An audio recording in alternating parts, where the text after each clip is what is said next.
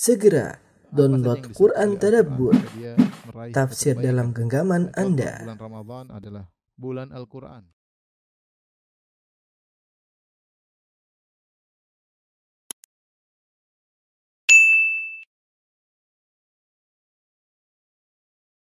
Bismillahirrahmanirrahim. Assalamualaikum warahmatullahi wabarakatuh.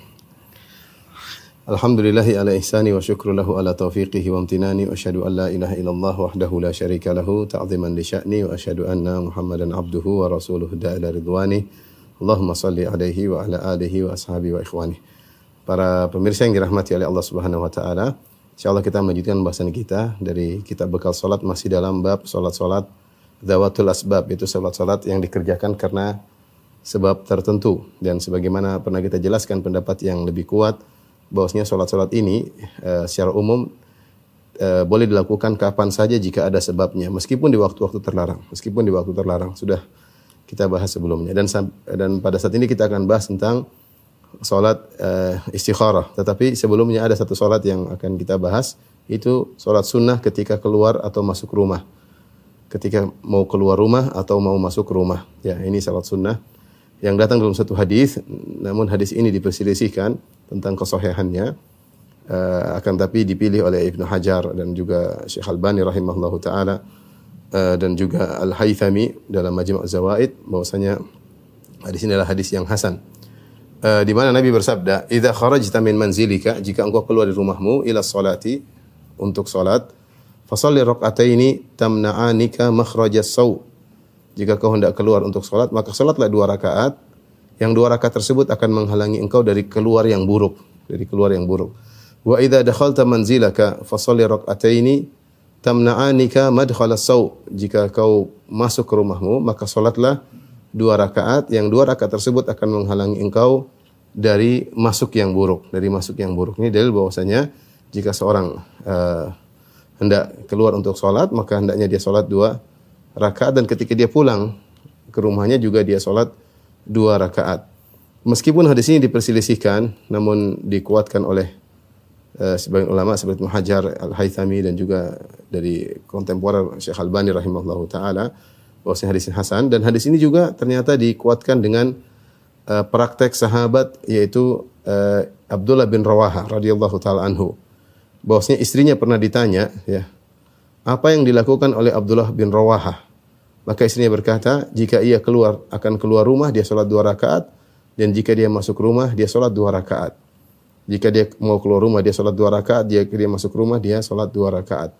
Maka uh, dari sini dalil bahwasanya uh, dianjurkan untuk sholat sunnah sebelum keluar rumah dan sebelum masuk rumah. Tetapi para ulama mengatakan sholat sunnah ini terkait dengan rumahnya sendiri, terkait dengan rumahnya sendiri bukan rumah rumah orang lain. Uh, adapun jika seorang uh, keluar kemudian eh, sebelum keluar dia salat qobliyah misalnya, maka sudah mewakili salat tersebut. Atau setelah dia salat dia balik, dia salat ba'diyah di rumah, maka sudah mewakili salat salat ini. Karena sebagaimana penjelasan ulama ini seperti tahiyatul masjid. Seperti tahiyatul masjid yang penting sebelum berkeluar rumah salat dan ketika pulang dari pulang masuk rumah juga salat. Jika sebelum keluar masjid salat qabliyah maka sudah mencukupi dan jika pulang dari rumah salat ba'diyah di rumah maka sudah mencukupi. Tapi kita lanjutkan eh, pembahasan eh, yang kita nantikan itu salat al-istikharah ya. Salat al-istikharah.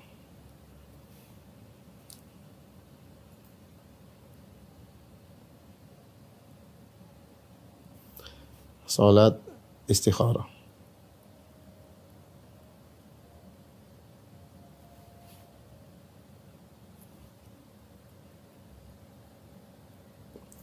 Uh, salat istikharah, ya istikharah diambil dari kata istakhara ya. Istakhara ya, yaitu meminta pilihan kepada Allah Subhanahu wa taala.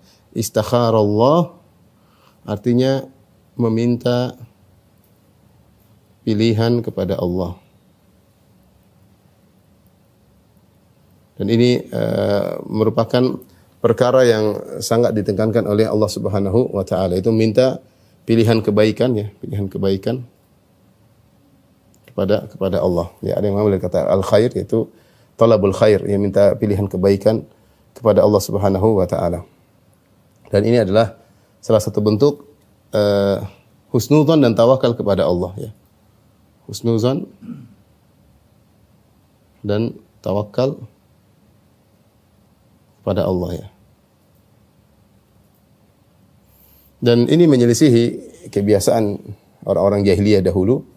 Orang jahiliyah dahulu ketika mereka hendak melakukan pilihan, mereka terkadang menggunakan azlam. Ya, misalnya mereka ada tiga, tiga semacam anak panah ya. Satu mengatakan iya, satu mengatakan tidak, satu abstain. Maka dia akan goyangkan. Jika keluar iya, maka dia lakukan.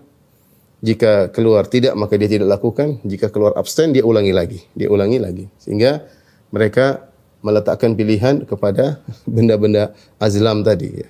Ini tentu adalah kebodohan dan kejahilan. Bagaimana meletakkan pilihan kepada eh, benda-benda uh, yang tidak berakal ini. Demikian juga di antara kebiasaan jahiliyah adalah uh, menentukan meletakkan pilihan kepada burung ya, yang disebut dengan tatayur.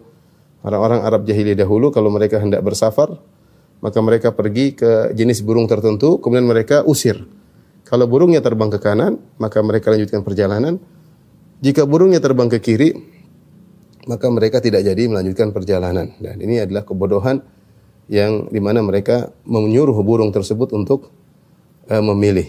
Burung aja tidak tahu ini apa maksud mereka, kemudian dijadikan pilihan mereka sebagai pilihan burung sebagai pilihan manusia. Aneh, manusia berakal menjadikan hewan yang tidak memiliki akal untuk uh, memilih. Atau seperti sebagian orang zaman sekarang menentukan pilihan kepada tokek yang tokek pergi enggak, pergi enggak, pergi enggak ini semua kebodohan. Oleh karenanya Rasulullah SAW mengajarkan salah satu bentuk tawakal dan ibadah kepada Allah adalah uh, istikharah ya, yang dikerjakan oleh seorang dua rakaat ya uh, agar diberi taufik oleh Allah untuk menghadapi kebingungan yang dia yang dia uh, hadapi ya. Dan uh, urgensinya istikharah ya. Urgensinya apa kata Nabi wasallam? Kata Jabir bin Abdullah, "Kana Rasulullah sallam yu'allimu ashabahu al-istikhara fil umuri kulliha." Kama yu'allimu surata minal Qur'an, ya.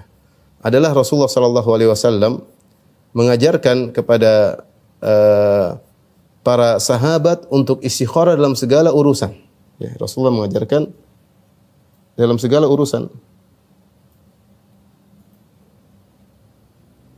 Mengajarkan istikharah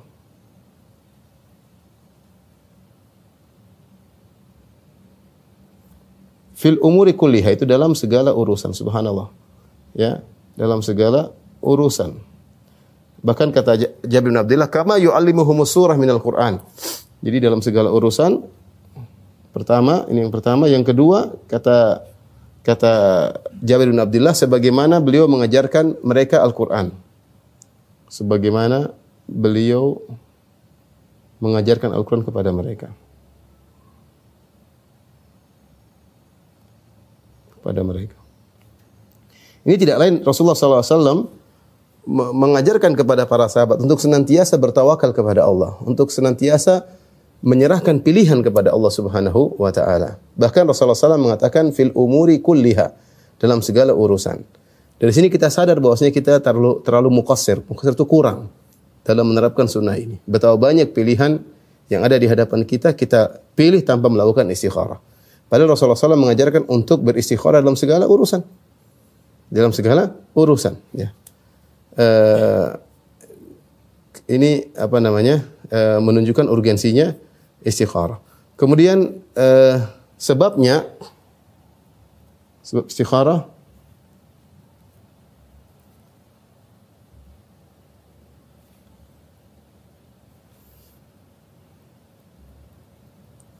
jika jika terjadi keraguan ya terhadap dua pilihan. Terhadap dua pilihan. Melakukan atau atau tidak. Eh, para ulama menjelaskan bahwasanya uh, ketika ada dua pilihan, seorang ragu di situ ada kebaikan atau tidak, ya. Maka dia hendaknya beristikharah kepada Allah Subhanahu wa taala dengan melaksanakan salat istikharah. Adapun perkara-perkara yang tidak demikian maka tidak perlu istikharah, ya. Tidak perlu istikharah pada, perhatikan. Tidak perlu istikharah pada pertama perkara yang yang jelas-jelas baik. Tidak perlu istikharah. Misalnya, saya mau istikharah, mau salat mau salat duhur atau tidak. Enggak perlu istikharah, kau wajib salat duhur ya. Contoh sebenarnya saya mau istikharah, mau puasa Ramadan atau tidak. Enggak perlu istikharah karena memang kau harus puasa bulan uh, bulan Ramadan. Ini jelas tidak perlu istikharah. Tidak perlu istikharah. Saya mau berbakti sama orang tua, perlu istikharah atau tidak? Ya. Uh, maka tidak perlu istikharah. Ya. Karena ini adalah perkara yang sudah jelas disyariatkan. Demikian juga misalnya untuk meninggalkan suatu yang jelas-jelas buruk.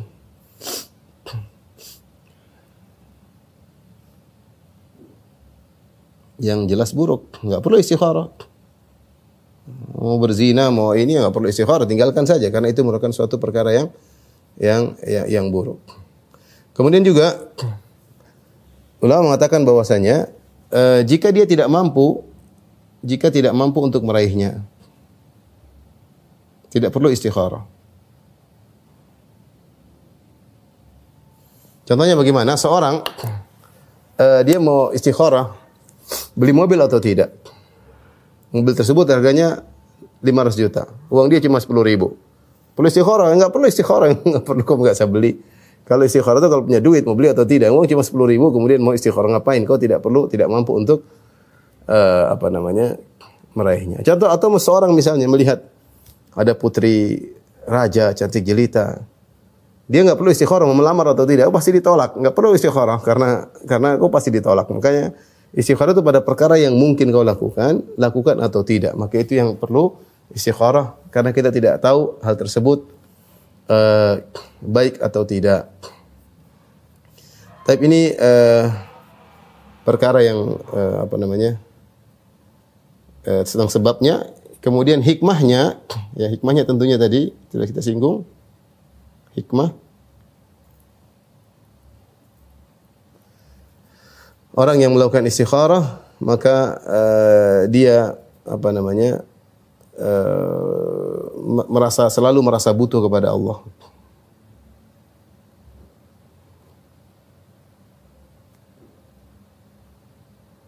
Selalu bertawakal dan bersandar, bertawakal kepada Allah. Ya.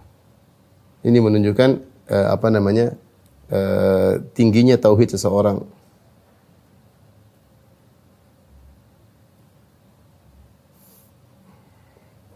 Ya. Adapun waktu pelaksanaannya waktu pelaksanaannya adalah kapan saja sebagaimana sudah kita jelaskan karena salat istikharah adalah salah satu salat dari salat salawat dawatul asbab, salat-salat yang ada sebabnya. Dan secara umum kita telah memilih pendapat yang mengatakan bahwasanya ini madhab Syafi'iyah bahwasanya salat yang ada sebabnya boleh dikerjakan kapan saja meskipun di waktu terlarang. Jika memang memungkinkan untuk ditunda di waktu di luar waktu terlarang maka itu baik. Namun jika tidak memungkinkan maka lebih dikerjakan kapan saja ya. Contoh misalnya dia ingin beli rumah, tiba-tiba dia terbetik hati ingin beli rumah, ba'da asar. Contoh. Dia punya uang beli rumah atau tidak. Ya tidak tidak suatu hal yang terburu-buru, maka hendaknya dia tunda nanti pada maghrib kalau dia sholat istikharah. Ya, kenapa? Karena masih ada waktu untuk menunda. Tetapi jika misalnya tidak ada waktu untuk menunda, penjualnya mengatakan saya tunggu 5 menit, saya tunggu 10 menit, kau beli atau tidak? Kalau enggak akan ada pembeli yang lain. Maka saat itu dia istikharah. Meskipun di waktu terlarang. Meskipun di waktu terlarang. Ya.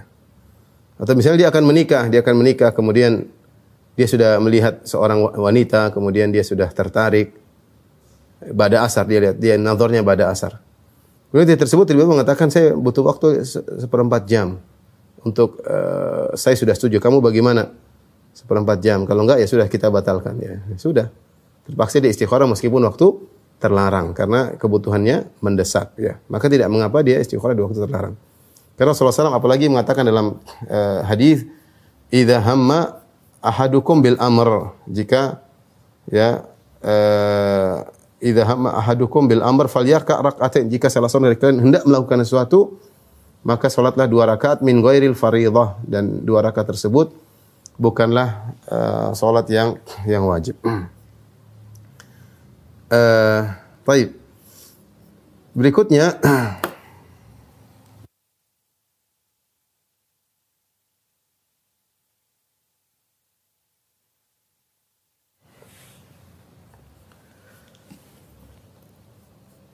Para ulama uh, berselisih ya. Baik, kita lanjutkan. Ini sudah Bin.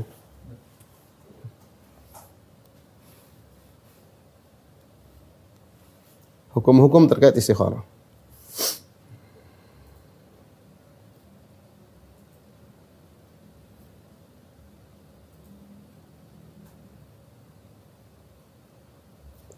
Pertama sudah kita jelaskan, boleh dikerjakan kapan saja. Boleh dikerjakan kapan saja, meski di waktu terlarang.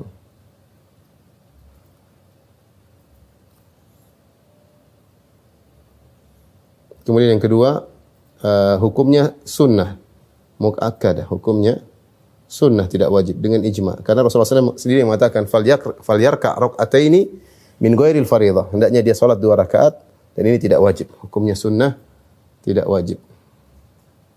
Sangat dianjurkan tentunya. Uh, kemudian yang ketiga dikerjakan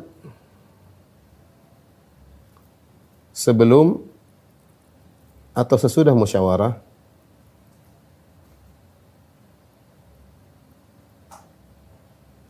Maka ini ada khilaf di kalangan para ulama apakah uh, salat istikharah musyawarah dulu baru salat istikharah ataukah istikharah dulu baru musyawarah? Dua pendapat di kalangan para ulama ada khilaf, dua pendapat.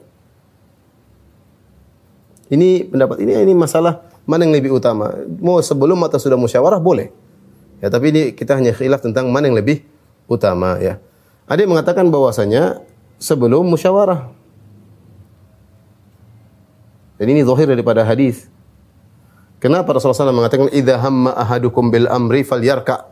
Jika salah seorang dari kalian ragu terhadap suatu perkara, maka salatlah dua rakaat. Di sini Rasulullah SAW menggunakan kata fa. Idza jika salah seorang dari kalian ingin melakukan sesuatu, fa langsung falyarka. Jadi begitu ada keraguan langsung salat dua rakaat. Ya, ini menunjukkan bahwasanya istikharah dulu baru kemudian musyawarah ya. Karena Rasulullah mengatakan idza hamma kemudian fa falyarka. Uh, huruf fa di sini menunjukkan uh, tanpa jeda. Jika salah seorang dari kalian hendak melakukan sesuatu dan bimbang maka maka maka langsung.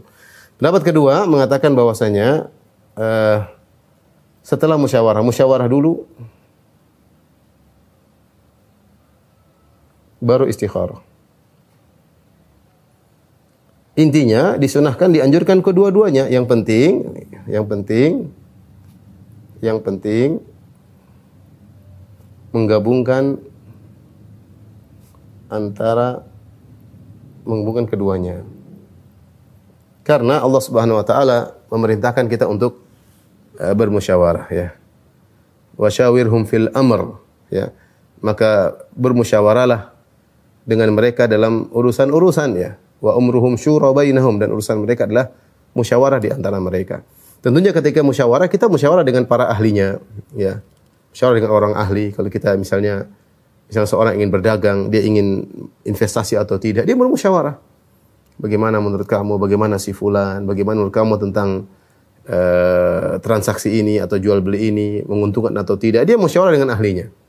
Misalnya dia mau pilih sekolah tertentu, dia musyawarah dengan ahlinya. Dia ingin menikah, dia musyawarah dengan ahlinya. Bagaimana uh, wanita ini menurut bapak, bagaimana menurut ustadz, bagaimana dia musyawarah. Ya.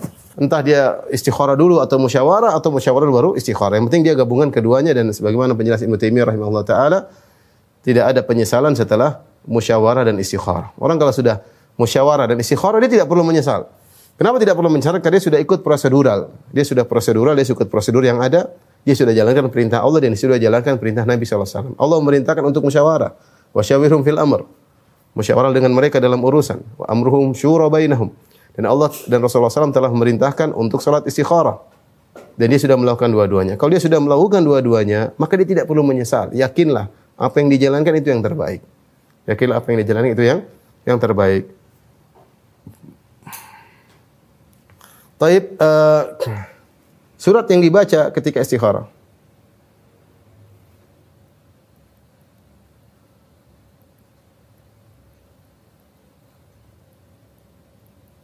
Ketika sholat dua rakaat istikharah. Yang benar bahwasanya tidak ada surat tertentu. Tidak ada surat tertentu bebas artinya. Dia baca Al-Fatihah, kemudian dia baca surat apa pun, ayat apa pun tidak tidak jadi masalah ya. Meskipun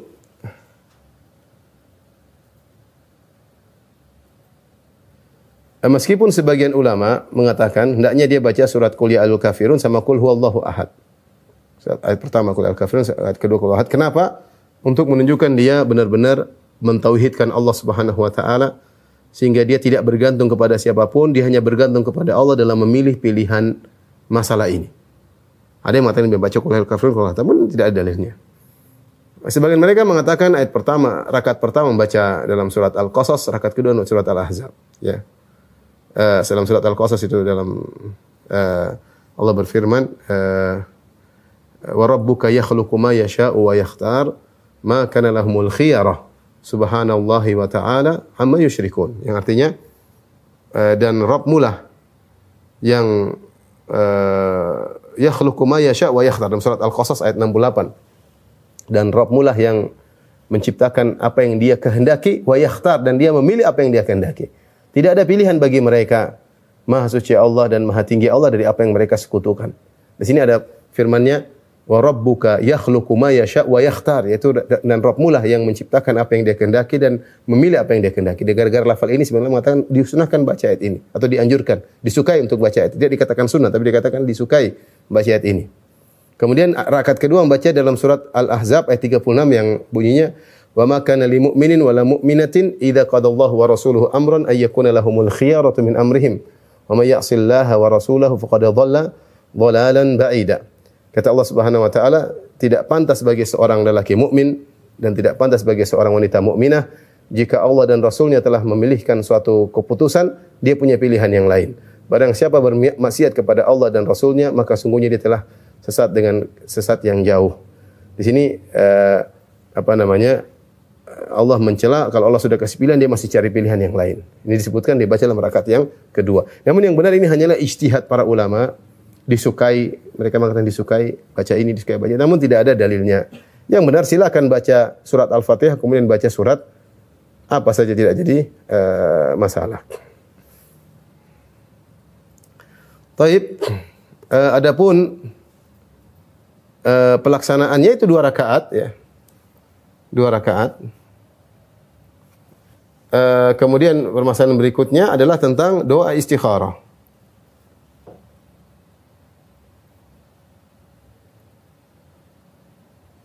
doa istikharah. Doa istikharah ini uh, sebagaimana dalam hadis uh, Rasulullah SAW bersabda, "Idza hamma," yang saya bacakan kata Jabir bin Abdullah, "Kana Rasulullah SAW yu'allimu ashabahu al-istikharata fil umuri kulliha." Adalah Rasulullah SAW mengajarkan kepada para sahabatnya untuk istikharah itu minta kepada Allah pilihan yang terbaik dalam segala urusan mereka. Kama yu'allimuhum surata minal Qur'an sebagaimana Rasulullah mengajarkan mereka Al-Qur'an. Itu Rasulullah mengajarkan benar-benar. Rasulullah mengajar Al-Qur'an, Rasulullah mengajarin dengan serius. Maka demikian juga ketika Rasulullah SAW mengajarkan salat istikharah. Rasulullah SAW mengajar dengan serius agar para sahabat senantiasa beristikharah uh, kepada Allah Subhanahu wa taala. Kemudian Rasulullah SAW bersabda, "Yaqul, idza hamma ahadukum bil amri." Jika salah seorang dari kalian bingung hendak melakukan sesuatu, falyarka rak'ataini min ghairil fardhah. Maka hendaknya dia salat dua rakaat yang tidak wajib. Thumma liyaqul. Kemudian setelah itu dia berkata, Allahumma inni astakhiruka bi'ilmik wa astaqdiruka biqadrat biqudratik wa as'aluka min fadlik fa innaka taqdir wa la aqdir wa ta'lam wa la a'lam innaka anta 'allamul ghuyub.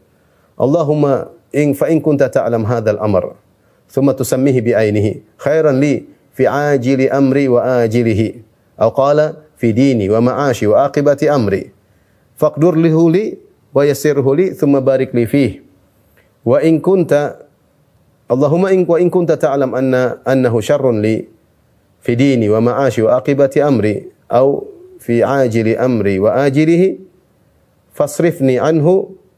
waqdur liyal khair haitsu kan thumma raddini bihi. Maknanya saya bacakan maknanya ya. Dia, dia berdoa, "Ya Allah, ini astakhiruka bi ilmik. Ya Allah, aku memohon pilihan darimu yang baik dengan aku bertawasul dengan ilmumu.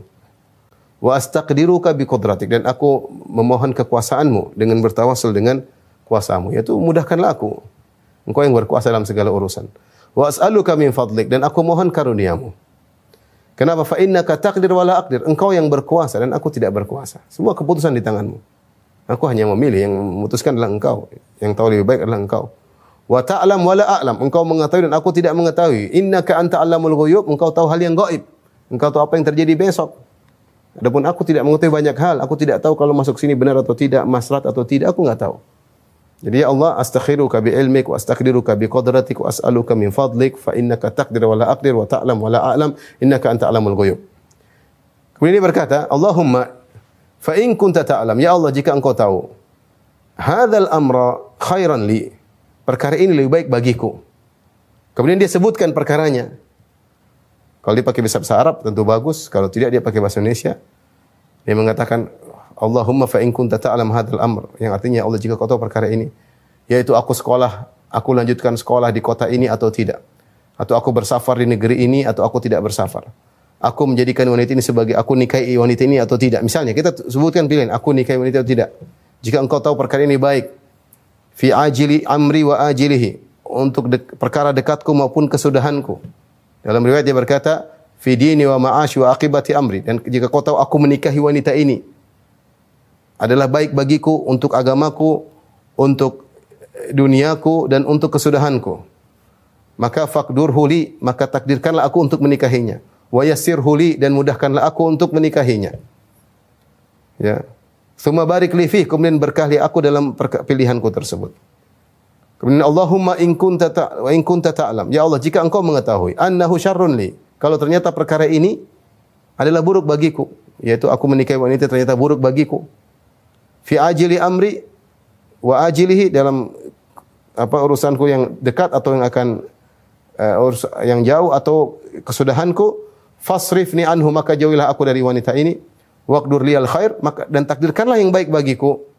Ya haitsu kan di mana pun di mana pun ada kebaikan thumma raddini bihi. Kemudian buatlah aku ridha dengan apa yang kau takdirkan tersebut. Itu makna makna doa tersebut uh, doa ini ada khilaf di kalangan para ulama. Dibaca dalam solat atau sesudah solat ya. Khilaf.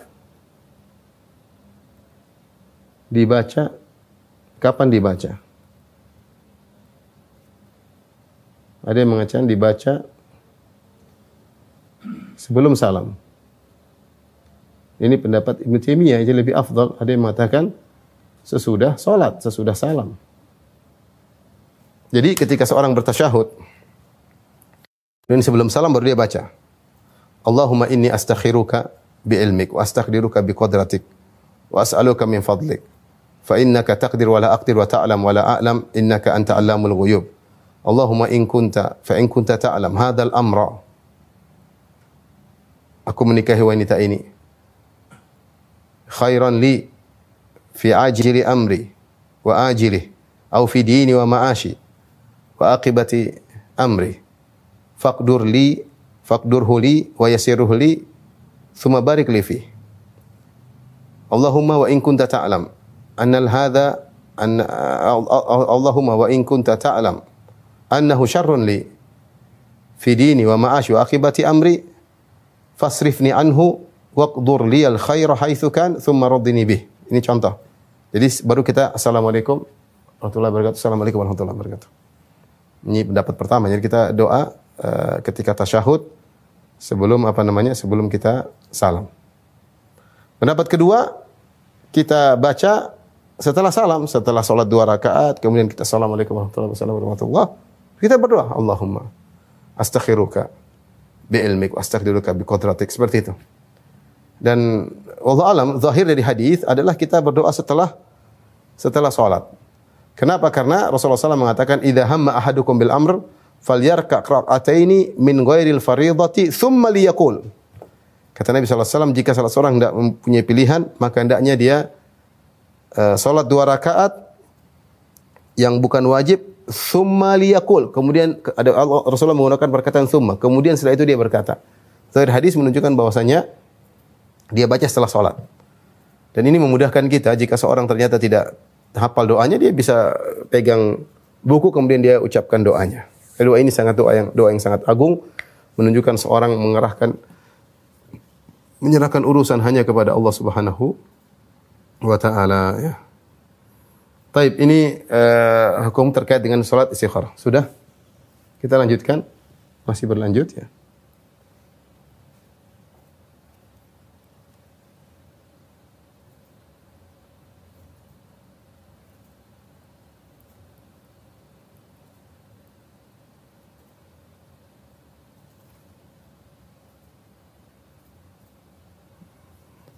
Yang kelima sekarang yang keenam.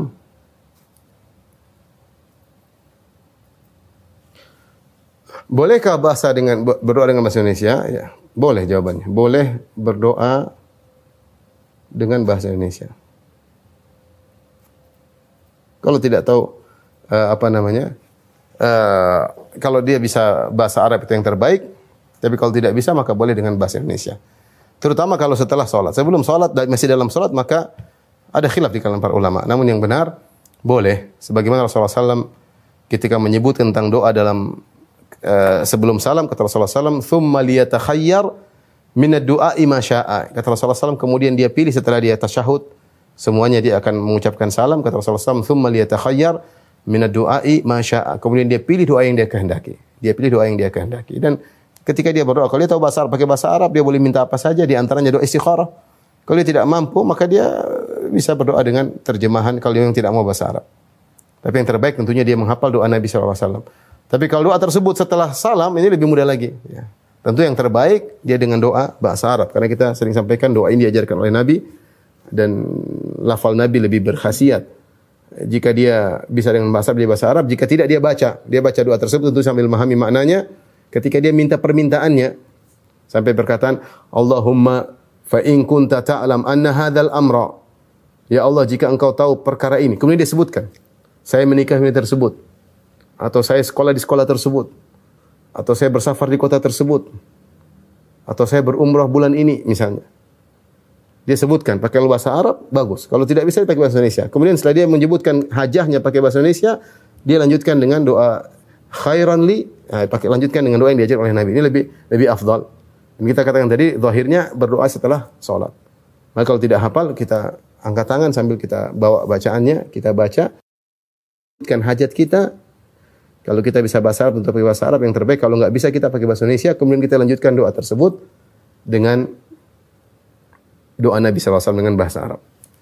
Ini ini ini yang yang pertama. Ya, kemudian perkara yang kedua, uh, boleh diulang-ulang istikharah.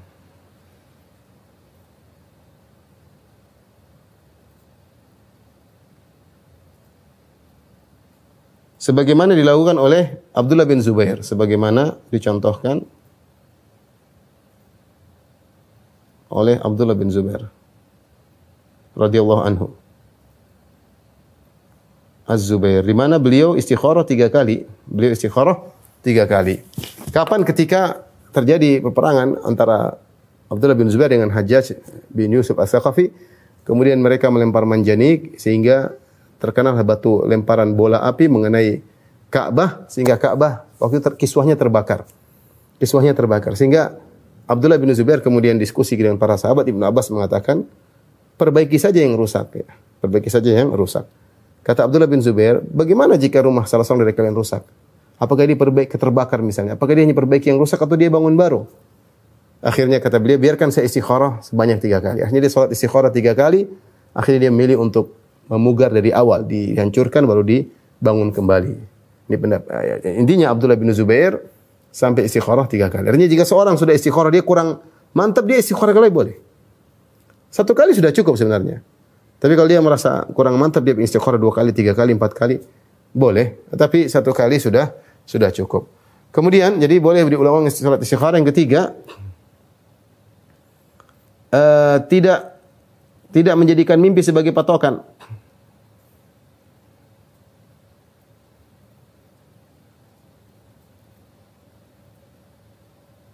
Bahkan Ibnul Hajj salah seorang dari mazhab Maliki kalau tidak salah yang mengatakan bahwasanya menjadikan mimpi sebagai patokan adalah bid'ah. Rasulullah tidak mengatakan kemudian tunggu mimpi. Tidak ada. Seorang istikharah, musyawarah selesai bismillah. Jika dia mimpi, kita nggak tahu mimpi itu petunjuk atau dari syaitan buat kita ragu, kita nggak tahu. Tapi kalau dia sudah istikharah, dia sudah musyawarah, sudah mantap, tahu-tahu ada mimpi indah, sudah bismillah. Artinya mimpi itu sebagai penguat, bukan sebagai penentu. Adapun menjadikan mimpi sebagai penentu, iya atau tidak, maka ini bid'ah. Ya, ini adalah bid'ah karena sebenarnya dikatakan Ibnu Hajj ini adalah bid'ah karena tidak pernah di, di Rasulullah SAW tidak pernah mengkaitkan hasil istikharah dengan dengan mimpi tersebut. Lagi pula kita nggak tahu mimpi kita ini petunjuk dari Allah kah atau syaitan membuat kita ragu setelah kita istikharah. Ya, kita tidak uh, tidak mengetahui. Karena sebagaimana Rasulullah SAW telah menjelaskan ru'ya thalatha, mimpi itu tiga. Fabushra min Allah. Kabar gimana dari Allah. Wa hadithun nafs, yaitu bisikan hati. Wa takhwifu minasyaitan dan dari syaitan ya. Dan kita tidak mengetahui mimpi kita ini dari jenis yang mana ya. Tapi jika seorang sudah istikharah, sudah mantap, sudah musyawarah, kemudian dia mimpi memperkuat, maka tidak jadi masalah. Ini memperkuat, tapi bukan penentu iya, iya atau tidak ya. Uh, inilah hukum-hukum uh, yang terkait dengan sholat uh, istikharah ya. Enam, tujuh, delapan. Ya, tujuh, delapan. Taib. Jadi intinya ikhwan dan akhwat yang rahmatillah subhanahu wa taala, jika seorang uh, ragu melakukan suatu pilihan, maka hendaknya segera dia sholat dua rakaat. Itu menunjukkan kita sering apa connecting dengan Allah Subhanahu wa taala. Ya, karena kita ini lemah, ilmu kita terbatas. Pengetahuan kita terbatas. Kita tidak tahu yang makro, yang mikro-mikro kita nggak ngerti apalagi yang ukuran makro. Kita hanya tahu apa yang terjadi di sekitar kita di saat itu. Kita nggak tahu masa depan. Kita nggak tahu yang kita hadapi. Ya. Maka serahkan urusan kepada Allah. Jadi sederhana seorang seorang mau apa namanya mau nikah, ini nggak tahu wanita ini baik atau tidak. Ini nggak tahu. Zahirnya baik, tapi hakikat wanita kita nggak tahu. Nggak tahu. Maka jangan lupa istikharah. Jangan lupa istikharah ya. Sama kalau kita mau transaksi dengan seorang, kita nggak tahu ini bagaimana. Zahirnya baik, tapi kita nggak tahu transaksi baik atau tidak seringnya kita terlalu semangat, sudah kita pikirkan keuntungan, kita lupa untuk istikharah. Eh ini terjadi apa yang yang terjadi misalnya. Ya. Atau kita ingin uh, bahkan misalnya seorang dalam segala hal ya. Dia mau hajian. Dia milih travel misalnya, istikharah dia mau umroh, pilih travel ini istikharah enggak ada masalah. Dia enggak tahu apa yang terjadi nanti ya. Oh, travel ini amanah. Oke, dia amanah, semua muji, tapi apakah safar kali ini amanah? Belum tentu. Maka berdoa kepada Allah istighfar. Apa salahnya? Menyerahkan urusan kepada Allah Subhanahu wa taala ya. ya. Namun saya katakan tadi kita kita ini kurang kurang istikharah. Selalu kita pede dengan kecerdasan kita. pede dengan analisa kita. Sehingga kita lupa istikharah dan akhirnya sering kita kandas di tengah jalan atau menyesal di kemudian hari. Sebagaimana dijelaskan oleh Ibnu Taimiyah rahimahullah taala, jika seorang sudah musyawarah, sudah istikharah, maka dia tidak perlu menyesal. Dia tidak perlu menyesal karena uh, dia sudah ikut prosedur perintah Allah sudah dikerjakan musyawarah dan istikharah sudah dikerjakan perintah Nabi Shallallahu Alaihi Wasallam. Tapi kita lanjutkan salat berikutnya, salat sunnah berikutnya adalah salat ketika tiba dari safar.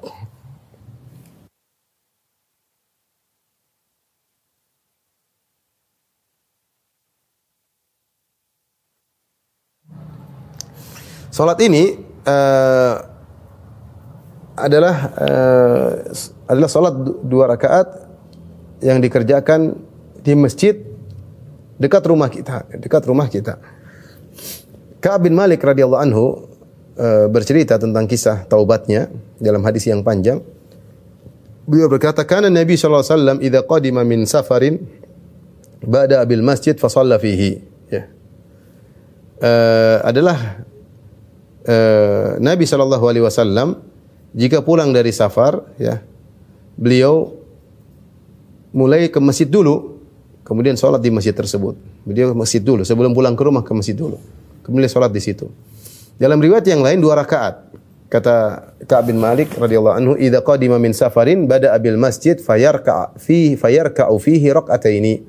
Jika Rasulullah SAW pulang dari safar maka beliau ke masjid terlebih dahulu. Kemudian beliau sholat dua rakaat. Ya, dua rakaat. Ini juga sholat di antara sholat-sholat sebab, yaitu sholat karena pulang dari safar. Sebagai bentuk syukur kita kepada Allah Subhanahu Wa Taala, eh, kita bahagia, kita pulang dari safar selamat ya. Eh, Sebelum kita ketemu dengan keluarga, sebelum kita masuk rumah, kita sholat terlebih dahulu dua rakaat, baru kita eh, pulang ke rumah ya. Eh, waktunya kapan saja? Kapan saja kita pulang? Kita pulang dari safar jam 2 malam, pulang dari safar jam 3 malam, pulang dari safar jam 2 siang, pulang dari safar jam 5 sore, maka dianjurkan kita sholat dua rakaat dulu di masjid yang biasa kita sholat sebelum kita masuk rumah. Ini waktunya jadi bebas kapan saja karena dia eh, sholat yang karena ada sebabnya. Adapun tempatnya harus di masjid. Eh, dia mencari masjid yang terdekat dengan rumahnya kemudian dia sholat dua rakaat ya dua rakaat ya adapun tata caranya maka dikerjakan dengan dua rakaat Eh, sebagaimana sholat biasa tidak ada gerakan secara khusus tidak ada zikir khusus. Rasulullah Rasulullah Ka'ab hanya menceritakan Rasulullah SAW bada abil masjid. Fasalla fayusalli fayusalli fihi falyarka eh, fay- fayarka rakaatain Rasulullah SAW salat dua rakaat. Oleh karena kita salat biasa. Dua rakaat tidak ada eh, bacaan khusus tidak ada zikir zikir eh, khusus ya. Jika seorang menggabungkannya dengan tahiyatul masjid Caranya bagaimana? Yaitu sebagaimana perkataan Imam Nawawi, seorang datang ketika ke masjid, maka jangan dia niatkan tahiyatul masjid, dia niatkan salat pulang dari safar, salat kudum dari safar. Maka ketika dia niatkan tersebut, maka otomatis tahiyatul masjid sudah terpenuhi. Namun eh, ibadah ini juga zaman sekarang sulit dikerjakan ya. Karena kalau kita pulang jam 3 malam atau pulang safar jam satu malam masjid pada tutup ya. Masjid pada tutup. Kemudian kita buru-buru pingin masuk ke rumah, kadang kita kadang ingin buang hajat, apalagi sudah ditelepon-telepon istri, sehingga terkadang eh, apa namanya sunnah ini kurang bisa dikerjakan. Ke mana mas? Sholat dulu. Macam udah balik aja macam-macam mau sholat dulu balik dulu ke rumah ya. Ayo jelaskan sama istri kita. Bosnya di antara sunnah kita sholat dua rakaat dulu di masjid baru kita pulang uh, ke rumah. Taib uh, ikhwan dan akhwat yang rahmati Allah Subhanahu wa taala mungkin sampai sini dulu karena setelahnya kita akan bahas tentang salat gerhana tentunya lebih panjang lagi. Kita lanjutkan pada kesempatan yang lain. Wallahu taala bisawab demikian saja. Ikhwan dan akhwat yang rahmati Allah Subhanahu wa taala bisa kita sampaikan semoga bermanfaat. Uh, wabillahi taufiq wal hidayah. Assalamualaikum warahmatullahi wabarakatuh.